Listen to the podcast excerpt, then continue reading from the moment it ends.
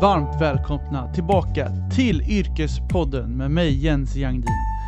I dagens avsnitt gästas jag av Abgar Barsom, som idag jobbar som fotbollsagent, men har tidigare haft en otroligt professionell fotbollskarriär efter sig. Trängens Maradona kallades han i BK Forward, där allting började.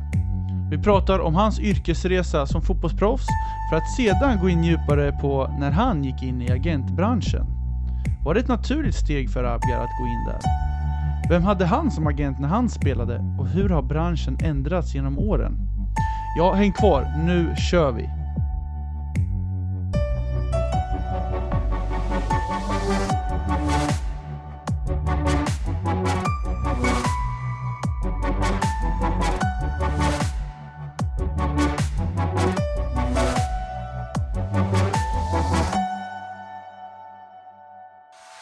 Välkommen till Yrkespodden Abgar! Tack så hemskt mycket. Hur är läget?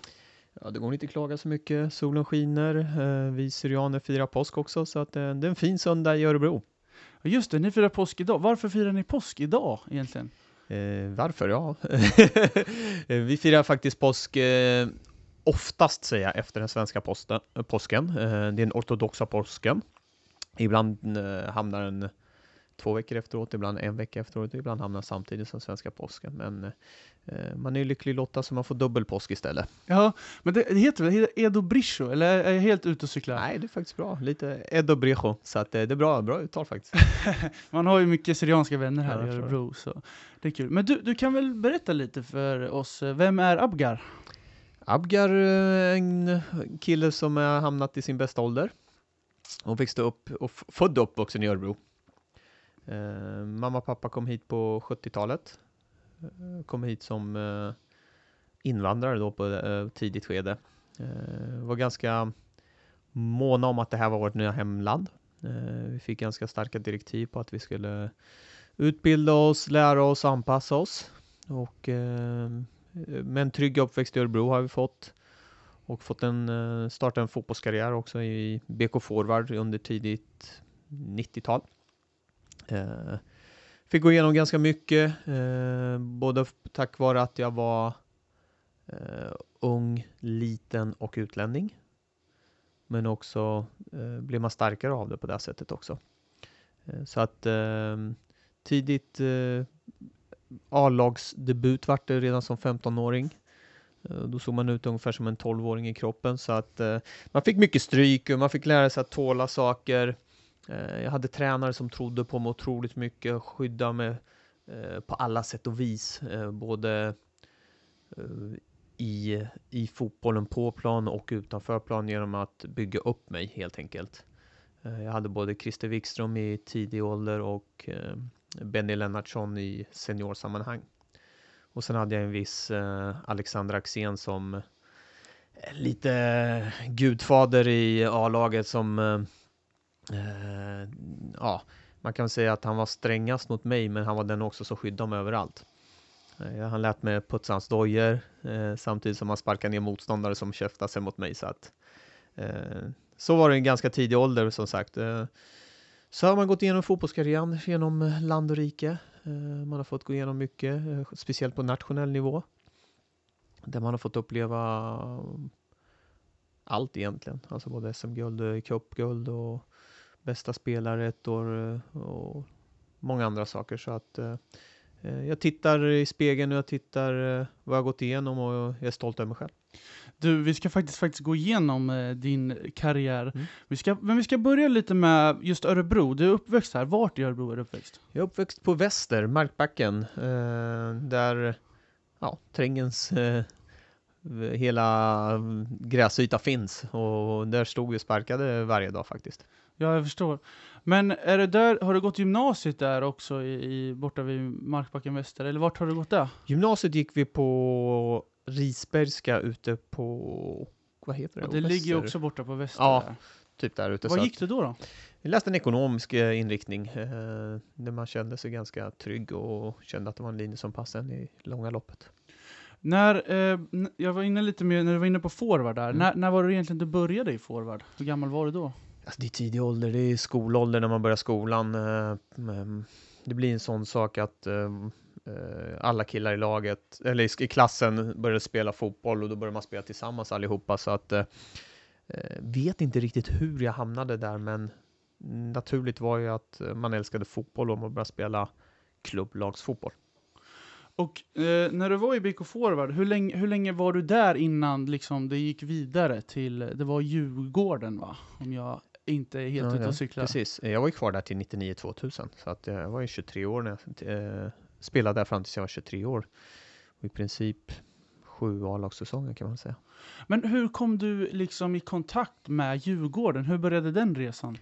Den resan var egentligen inte Djurgården som de, eh, det var i själva verket att eh, både BK Forward och Café Opera spelade i samma serie.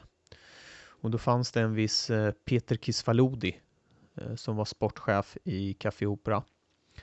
Eh, han hade följt mig sedan jag var tio år och eh, var sportchef. Då var han i BP som ungdomstränare. Och det är han idag också. Och i mina ögon är han Sveriges bästa ungdomstränare. Men Peter Kisvalodi eh, såg mig då i seniorsammanhang och tyckte att jag var fantastiskt bra. Rekommenderade mig till Djurgården. Men det han inte skulle veta ett år senare var att Djurgården åkte ur allsvenskan till superettan, eller division 1 då, superettan. Mm. Och att Café Opera vinner division 1 och går upp i superettan. Så att han rekommenderar mig till Djurgården och Café Opera spelar och Djurgården spelar i samma serie året efter. Ah. Så att det var lite så här Eh, konstig känsla från hans sida, sa han till slut. Jag förstår. Men det här var runt 99-2000 va? Precis. Nej, precis. Och sen så, då kom du i alla fall till Djurgården och då var det lite miljöombyte kan jag tänka mig. Mm. Det var ju från lilla Örebro och sen direkt till Stockholm. Hur var det? I början var det ganska mm, omständigheterna, alltså omständigheterna var ju lite annorlunda. Det var inte som nu, alltså skulle man flytta till en ny klubb eller till någon annan så var det ganska stort steg. Eh, nu, 20 år senare, så är fotbollen på ett helt annat sätt. Man kan ju ta sitt pick och pack och dra vart som helst, när som helst. Eh, så att eh, jag flyttade upp till Stockholm, eh, stora Stockholm då, eh, och eh, kände väl att jag, det var här jag skulle vilja göra saker, eh, både karriärsmässigt på plan och utanför plan. Och det är väl därför jag bor där än idag. så att Stockholm är en fantastisk stad och det är möjligheternas stad. Vill man klättra i karriären så är det en jättefin plattform att anpassa sig till och att ta steg på tror jag. Och sen så var du i Djurgården i runt två år där, innan det blev utomlandsflytt. Mm. Men hur pass bra gick det, känner du själv, när du var där i Djurgården innan det blev eh, eh till Holland? Alltså hur, hur, bra gick det egentligen? Alltså jag tror att eh, det som var ganska bra för mig var att jag hade så många seniorsäsonger i forward. Eh, jag hade egentligen allt i kroppen. Jag hade byggt upp mig rent fysiskt, mentalt, tekniskt. Allt det här hade jag byggt upp. Eh, sen gäller det bara att hamna i en miljö där man kan få ut det också. Eh, Djurgården hade precis eh, åkt ut allsvenskan och skulle starta upp någonting nytt. Man hämtade in mycket spelare som såg ut ehm, i mentaliteten ganska lika, så att det var vinnarskallar på många spelare som ville därifrån. Så att Eh, Eh, man lyckades snabbt anpassa sig, prestera och leverera. Så att eh, jag hade en jättefin, precis som laget, eh, två och ett halvt fantastiska år där, där vi vann superettan och sen eh, vann, eller kom tvåa i eh, allsvenskan första året och var med långt fram både 2002 tills jag lämnade. Så att det var två och ett halvt år jättebra för min del faktiskt. Och hur kom du i kontakt det här med, nu när du ändå är inne lite i agentbranschen och så här, så, som vi ska gå in på lite senare, men eh, när du skulle till Holland och när du blev eh, connectad med de klubbarna, eller med SC Heerenveen, om jag uttalar det helt rätt, så hur, hur gick hela den processen till då för dig? Eh, två, runt 2000-talet var det inte så många agenter. Eh, jag hade och var Martin Dahlins första klient Um, och då hade jag han som agent och det var inte så mycket konstigt alltså, utan det var ganska enkelt. Ehm, uh, på, I början av 2000-talet så var fotbollen fortfarande precis börjat bli professionell i Sverige. Och när jag flyttade så kan man säga att den var professionell. Och i, det var ganska enkelt. Heerenveen tog kontakt med klubben och hörde av sig till agenten. Vi åkte dit, besökte klubben. Man eh, tittade på förutsättningarna och då kändes det som det passade och alltihopa och sen var det inte så mycket mer så. Så det var ganska enkelt för att eh, ja, produkt och efterfrågan var ganska enkel där. Alltså de vill ha, du vill dit, så då var det ganska enkelt. Och sen så tog du ännu en gång, det är ju som fotbollsspelare, då får man ju vara beredd på att flytta Mm. ganska mycket. Mm. Och det har ju du gjort ändå. Men då var det ner till Holland. Och vart ligger den här klubben? I vilken stad ligger det i Holland? Eh, det är Heerenveen. Heerenveen, ligger i Heerenveen. Det är en eh, liten håla på 20-25 000 männi- eh, människor som bor där. Fantastisk fotbollsby, men eh, inte världens största. Men du är där för att spela fotboll, så att det var inte så svårt. Nu hade jag tur att det var, vi var fyra svenskar där nere när jag var där. Vilka jag, var det då? Det var jag, eh, Stefan Selakovic, Petter Hansson och Erik Edman. Just det. Och så var det tre finnar och två danskar, så att det var skön miljö. Vi var många skandinaver som hängde ihop. Eh, Så att eh, det var, ett, det var en fin, det är- fortfarande en jättefin klubb att producera. De levererar hela tiden. Mm. Hur gick det för din del där själv, tycker du? Alltså om du får reflektera. Sportsligt så gick det bra. Eh, Jag hade lite problem med, omständigheterna i klubben där tränaren och jag inte var på samma nivå när det gällde hur man skulle vara som människa. Eh, Man hade lite strikta regler eh, som Tommy Södberg, för detta förbundskaptenen, sa, det är lite militärdiktatoriska regler. Mm. Man skulle vara nyrakad, man skulle klippa håret, man fick inte ha på sig jeans hur som helst. Eh, ganska enkelt så var det en ganska ja, speciell miljö, men för mig är det ganska enkelt så här. Det här är vad du ser, det, vad, det är jag. Eh, jag kan anpassa mig på alla sätt på fotbollsplan, men du kan inte ändra så mycket på min personlighet. Eh, idag skulle jag kanske gjort annorlunda, men då gjorde jag inte det, utan då var det mer att eh, jag körde min stil, som sagt. Eh, det gick bra, eh, sportligt gick det jättebra. De första tio matcherna så fick jag en skada. Mm. Och då var det ganska enkelt för tränaren att lägga mig åt sidan efter det. Och sen eh, när du skulle tillbaks nu, eller du, du drog ju tillbaks till Sverige och då var det ju var det ett självklart val att du var tillbaks till Djurgården eller var det, hade du många klubbar i luften där? Jag hade många klubbar i luften.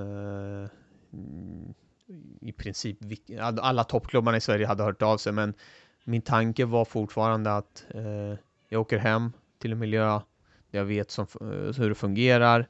Jag vet jag kan leverera och ta sats igen eh, att flytta utomlands. Eh, jag är så passionerad fortfarande för fotbollen att eh, jag vill leva som fotbollsspelare. Eh, rent eh, eh livsstilsmässigt. Att leva passionerad för fotbollen, att älska träna, att kunna ha det här som ett yrke. Det, det, är min dröm. det var min dröm fortfarande. Och det var ju då det gick eh, succéåret för Djurgården, det var då ni vann SM-guld. Vi vann ju tidigt 2000-tal så vann vi mm, 2002 vann vi dubben, 2003 vann dubben, då var jag inte där. 2004 vann vi kuppen, Stämmer bra. 2005 vann vi dubben. Mm. Eh, Så att man fick ju vara med på en framgångsera och en framgångssaga i Djurgårdens historia som är svårslagen. Det är, det är några lag som lyckas göra det här. Göteborg, kanske Malmö. Eh, Göteborg på 80-talet, Malmö nu. Mm. Eh, Det är svårt, men samtidigt eh, vi hade så pass bra profil i, i spelarrekryteringen i Djurgården då, så att det var en fantastisk årgång. Har du mycket relation idag till Djurgården? Och, eller, hur, hur ser det ut för relationen idag? Ja, jag har bra relation. Eh, Klubben är ju klubben, som sagt, man är bättre att ha en relation till klubben för den lever ju vidare. Spelarna är ju inga kvar, men eh, man fortfarande har relation till eh, vissa utav spelarna. Man är på träningen ibland. Vi är på matcherna ofta, så att eh, eh, jag, ser, jag är fortfarande Djurgård, stor Djurgårdssupporter Ja, ja, ja. in i hjärtat eftersom man har upplevt så mycket positiva saker. Och med det föds ju minnen eh, i kroppen och minnena är de man lever med till slut ändå. Men när du hade succéåret där med Djurgården, ni vann kuppen och ni vann svenska mästare 2005, då blev du ju utomlands igen. Du drog till Grekland. Eh, då kan jag också anta att du hade ett antal bud att välja lite på. Varför blev det just Grekland? Situationen var så att jag hade varit lite småskadad Eh, ganska mycket under en, ett och ett halvt år i Djurgården. Eh, jag hade en höft som var jättedålig och jag fick eh, tråkiga besked att du kan inte bli riktigt bra i höften, du måste operera dig, men om du opererar så vet vi inte om du kan bli frisk heller. Det var tufft, det knäckte mig mentalt, jag gick runt till alla doktorer i landet, fick inga bra svar. Alla, alla sjukgymnaster, tills jag träffade Simon Bakui i Halmstad som sa så här.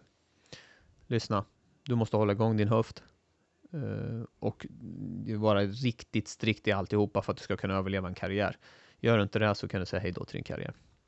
Det var tufft faktiskt, men eh, jag lyckades i alla fall ha ett ett och ett halvt år där som jag krigade mig igenom Djurgården med mycket skador. Men eh, efter det så valde jag att jag kände att jag ville hamna i en miljö där jag eh, får träna varje vecka, får spela varje vecka och yttre omständigheter eh, inte skulle påverka mig. Utan få lite mer inre balans i min kropp. Jag flyttade till Grekland och det var ju sådär perfekt. Eh, jag kunde träna varje vecka, jag kunde spela varje vecka och det var inte så mycket annat som påverkade mig. Eh, Så då fick jag igång lite kroppen på ett helt annat sätt och kunde komma tillbaka lite bättre eh, skademässigt och kunna spela på heltid. Helt. Då vände du hem till Örebro. Mm. Och eh, det är ju Örebro, alltså ÖSK som är storebror eh, och forward är lillebror. Men eh, jag kommer faktiskt ihåg själv när jag var och kollade på ÖSK när du spelade där. Alltså jag måste ha varit, alltså jag måste vara ganska liten då. Men eh, du knorrade in några frisparkar där som jag kommer ihåg som var riktigt fina. Örebro-tiden, hur var det? Alltså det är lite känsligt. Eh, snacket i Örebro var ju alltid så här, han har aldrig varit i Örebro, han har aldrig levererat i Örebro. Eh, vänner man har växt upp med hade inte sett den. Hela min familj och släkt bor i Örebro. Eh, Motspelare man har spelat under alla ungdomsåren eh, bor i Örebro. Eh, Till slut så sa jag, man, det här kanske är någonting jag vill göra till slut. Örebro var i jätteskarpt läge, man låg dåligt till i botten. Och det var sommar 2007, borde det Stämmer. ha varit. Stämmer. Urban Hammar hade hört av, nej, Patrick Walker tror jag hörde av sig till mig och frågade precis under sommaren, så fick han sparken. Mm.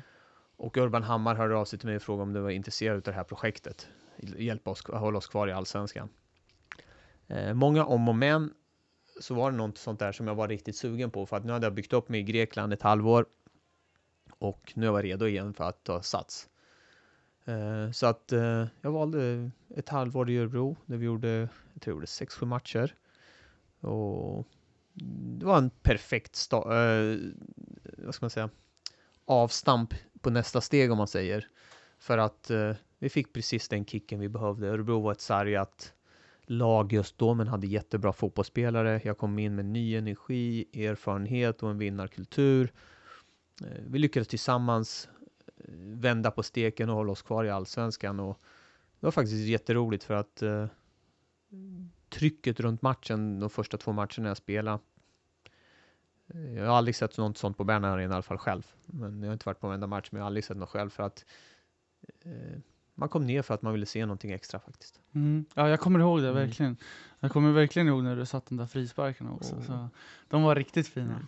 Och det vart ju perfekt för att första matchen, hemmamatchen, vart ju mot Gais när vi låg under med 1-0. Vi gjorde 1-1 och sen 84 85 minuter så sköt jag en frispark från 35 meter som gick rakt upp i krysset. Så att, eh, det var min- mycket känslor. Det var mycket känslor den matchen faktiskt för att desto mer människor man känner personligen på läktaren, desto känsligare blir det.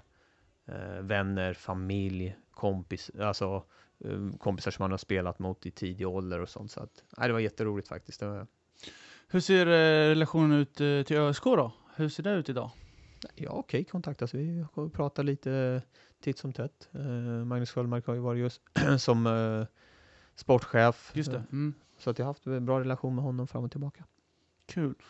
Men som sagt, det vart inte så långvarigt i Örebro SK. Du drog direkt till eh, Norge. Eh, Fredrikstad. Ja, hur var det? Jag hade ju i Djurgården sista halvåret så hade jag fått en ny coach som heter Anders Grönhagen, en gammal djurgårdare. Och eh, han tog ju över Fredrikstad då och hade frågat Okej. mig under det året när jag, när jag kom till Örebro. Men då valde jag Örebro. Men sen efter Örebro-tiden då sa han, nej men jag vill spela under din ledning så för att eh, det finaste, det bästa som finns är en tränare eller människa som vet vad du går för och vet hur du känner och vet vad du kan göra. Jag kom till Fredrikstad, en klubb eh, som är fantastisk på alla sätt. Alla möjligheter finns och alltihopa, men hade haft lite struligt. Eh, Eh, vi kom dit, vi var ett gäng precis som hade slutit samman på bra eh, egenskaper och karaktärer. Så att vi gjorde ett fantastiskt år där första året. Där jag fick också vara kapten eh, och hamnade tvåa i ligan. Och det var det bästa att klubben hade gjort på 37 år och sånt där. Och Fredrikstad är ändå den näst största klubben tror jag i Norges historia efter Rosenborg. Okej. För de har en gam gammal historia som är ganska eh, klass, alltså med eh, mycket fina Europaresultat och så. Var det stor skillnad mellan eh, svensk fotboll och norsk fotboll eller var det väldigt lika? Vad skulle du säga? Annorlunda i spelet, alltså jag brukar säga eh, svensk fotboll då påminde mer om Tyskland. Man kunde hålla i, man kunde spela fram och tillbaka. Eh, norsk fotboll påminner lite om England då. Det var lite mer eh, högre tempo, upp, ner, upp, ner, upp, ner. Så det krävdes eh, bra eh, fysik faktiskt för att spela norsk fotboll under den tiden. Eh, så att eh, det det var lite skillnad faktiskt. Du var där i ungefär ett år eh, och sen vände du ännu en gång hem. Två år, två år. Eh, och sen vände du hem till Syrianska. Mm. Det Ja. måste varit något speciellt ändå. Ja, men lite så. Jag var ju ute efter, efter mina sex år i Djurgården så kände jag bara så här att eh, jag älskar, antingen ska man spela för att vinna eller så ska du spela för att skapa någonting. Och då är det här projekt. Alltså i Örebro var det sex matcher. Du ska skapa det här att hålla oss kvar. Eller inte skapa, du ska eh, få den här eh, uppdraget. Jag älskar att få ett mål hela tiden. Och Syrianska var ju likadant. Det var ju eh, först och främst att det är Syrianska, att man är Syrian och har det i blodet. Och då hade de kommit så pass eh, bra till i seriesystemet att det var superettan och då är ändå svensk elitfotboll. Mm, verkligen. Eh, ambitionerna var inte att vinna sa de, men ambitionerna var ju att kliva upp och ta ett steg i svensk elitfotboll. Eh, så att eh, det var känsligt. Det var två, tre månader där det var lite fram och tillbaka. Alexander Axén hade blivit tränare i Gais. Han sa till vilket pris som helst ska du spela i Gais. Jaha. Eh, och jag sa bara, tyvärr Alex, jag har lovat nu Syrianska. Mitt ord, jag, jag är en man, jag släpper aldrig mitt ord, sa jag till honom. Eh, så att eh, när vi kom till Syrianska så var vi ändå tre, fyra karaktärer som jag visste att med det här räcker det. Mm. Eh, jag började sprida lite, direkt att man skulle skapa en mentalitet där det ställs krav. För krav kan man vinna sen på i längden. Så att eh, vi lyckades faktiskt eh, både sportsligt och eh, eh, kvalitetsmässigt leverera i de matcherna. Så att eh, det var en saga som var ganska fin faktiskt. Och Syrianska idag, de är i Superettan. Mm. Vet du hur det går för dem?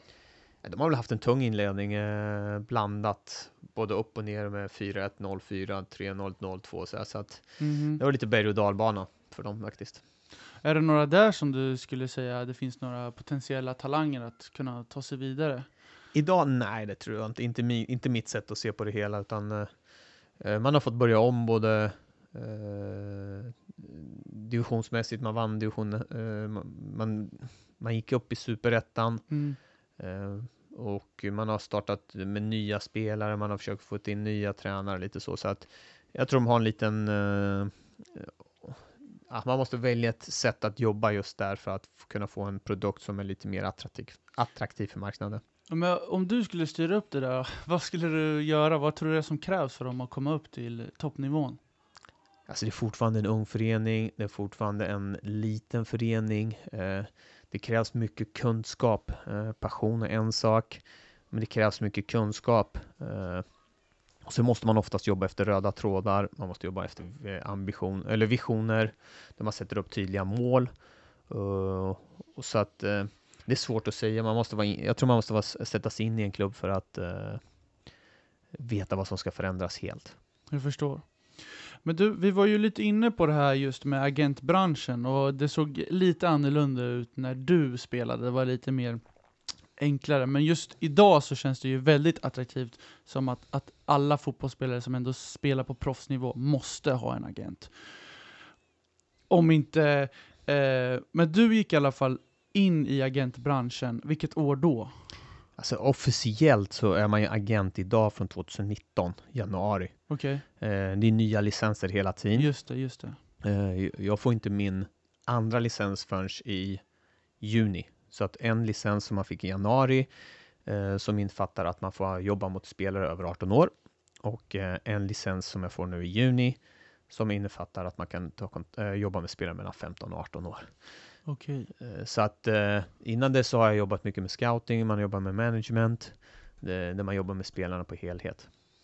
Jag förstår. Och idag så har du din eh, eh, Barsom Sports Management. Vad, vad gör du liksom i den?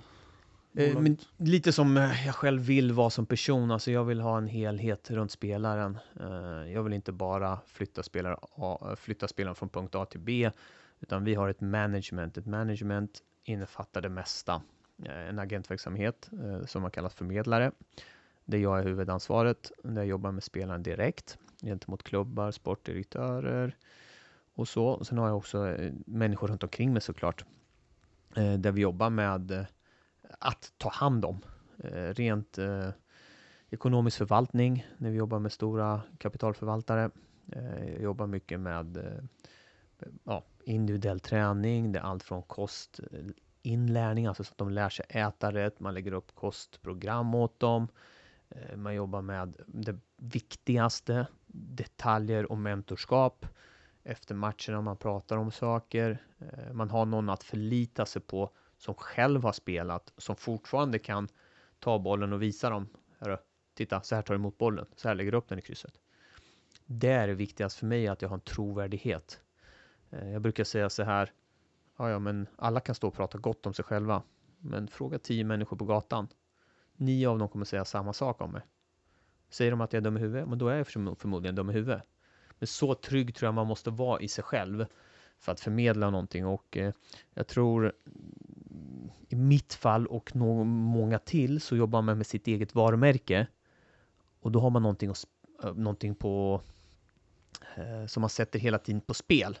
Så man vill inte svärta ner sitt varumärke. Därför jobbar man på ett eh, bästa möjliga sätt för spelarna.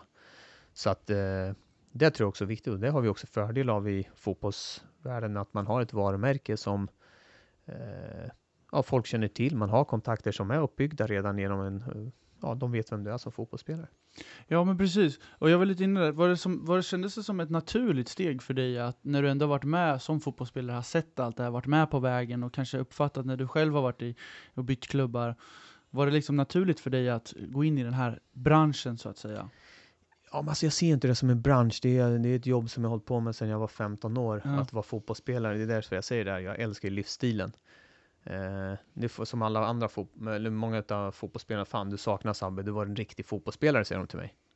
Men det värmer ju att höra för att en riktig fotbollsspelare lever ju för fotbollen. Eh, han går upp och tar hand om sig själv. Han går ner och t- tar hand om sitt jobb efter spelet, efter träningen och lever som en fotbollsspelare.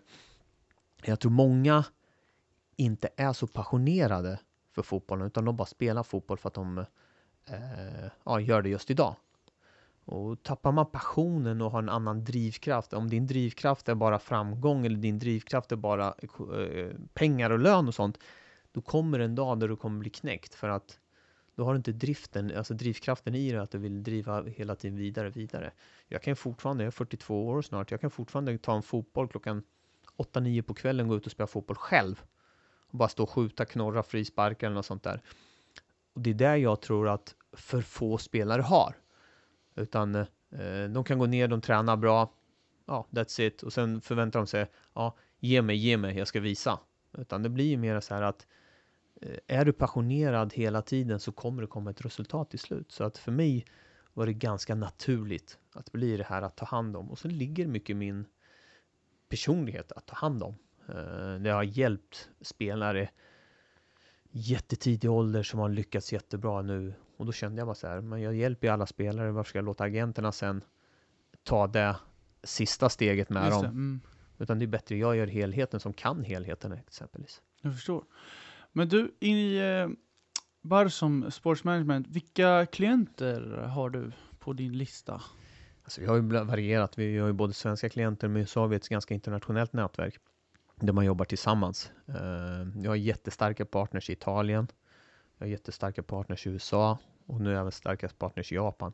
Min främsta partner i Italien är ju Materazzis bror, Ma- Matteo Materazzi Okej. och gamla storagenten Vincenzo Morabito som var Sveriges största agent under 90-talet. Den hade i princip eh, hela 94-laget som var trea på VM. Eh, vi jobbar tillsammans jättetajt, eh, så att klienterna har vi allihopa tillsammans på det sättet. Så att eh, vi har ett bra management idag som vi känner att vi kan jobba på vårat sätt. Eh, det tror jag också är det viktigaste, att man vill jobba på sitt eget sätt. Eh, och man känner att man har ett, eh, ett, ett, ett sätt som säger så här, det här står vi för. Vi skjuter inte på alla bollar, utan vi skjuter på de bollarna vi vill skjuta på. Jag researchade lite och som jag har fattat det så är ju en av dina klienter, det är Gabriel Sumi. Mm.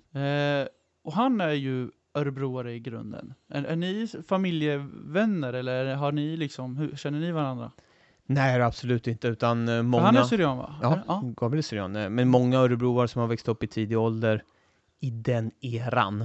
Då jag pratar tidigt 90-tal. Du har Jimmy Durmaz, eh, du har Jiloan Hamad, eh, Ahmed Yassin, Just. Mm. Josef Ibrahim, Dejan Garaka, Gabriel, eh, Isak Thelin. Just det.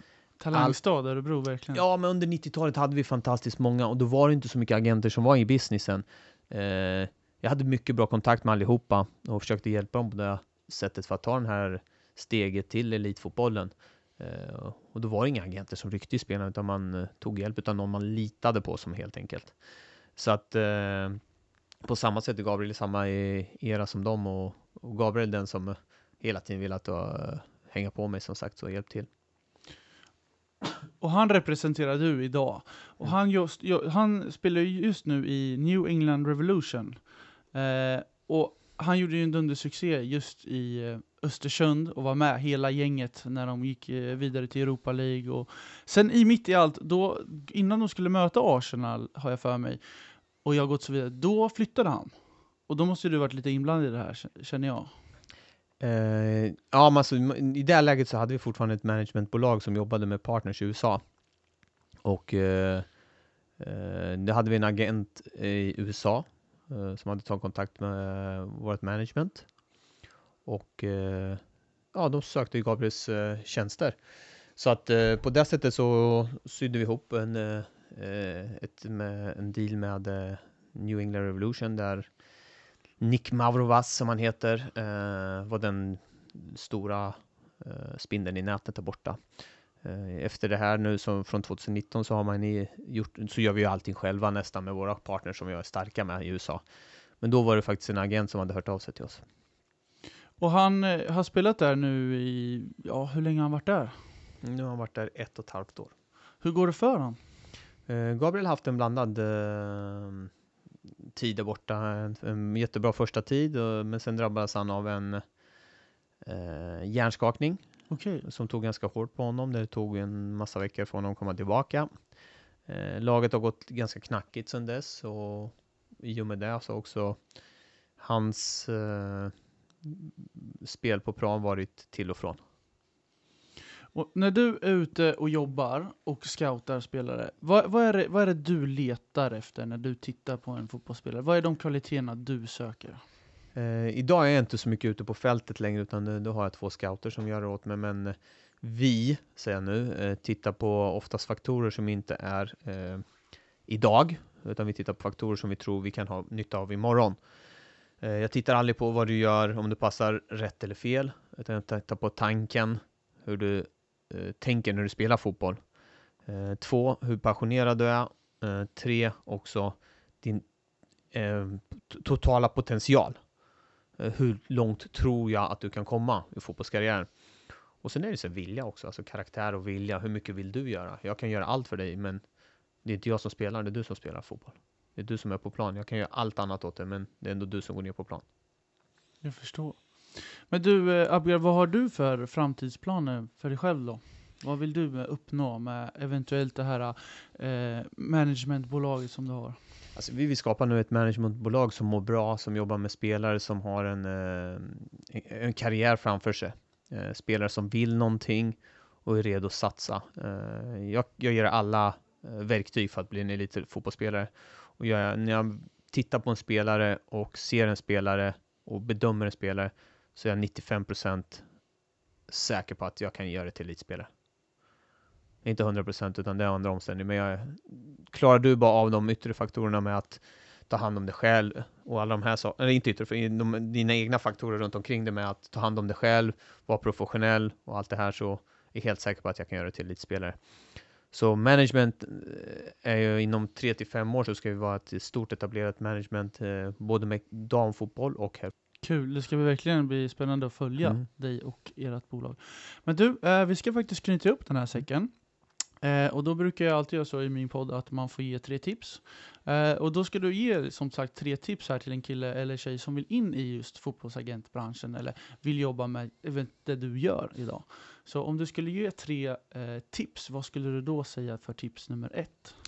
Tips nummer ett är att ha en eh, stark ett starkt nätverk för att fotbollen handlar mycket om nätverk för att eh, eh, det tror jag är det viktigaste faktiskt. Och vad skulle du säga tips nummer två är? Eh, tips nummer två är att jättehårt arbete blir det. Eh, det blir mycket resande, det blir mycket samtal, det blir mycket eh, vara på fältet också, så att man måste vara redo på att det kan vara långa kvällar, det kan vara tidiga morgnar och det är mycket samtal som går i olika tidszoner också. Jag förstår. Och ett tredje avslutande tips? Eh, det kan bli kostsamt faktiskt också ekonomiskt. Man måste ha en liten eh, ekonomisk muskel i bak eh, eh, bagaget för att eh, det är en långsiktig period man måste hålla ut för att det ska ge resultat faktiskt. Jag förstår. Du, tre superbra tips av Abgar Barsson här i Yrkespodden. Tack så jättemycket för att du var med. Tack så hemskt mycket själv. Då säger vi hej då. Tack för att du lyssnar på Yrkespodden. Jag skulle bli superglad om du delade avsnittet eller betygsatte podden i podcastappen. Prenumerera gärna på Yrkespodden för att få notiser på alla avsnitt. Tack!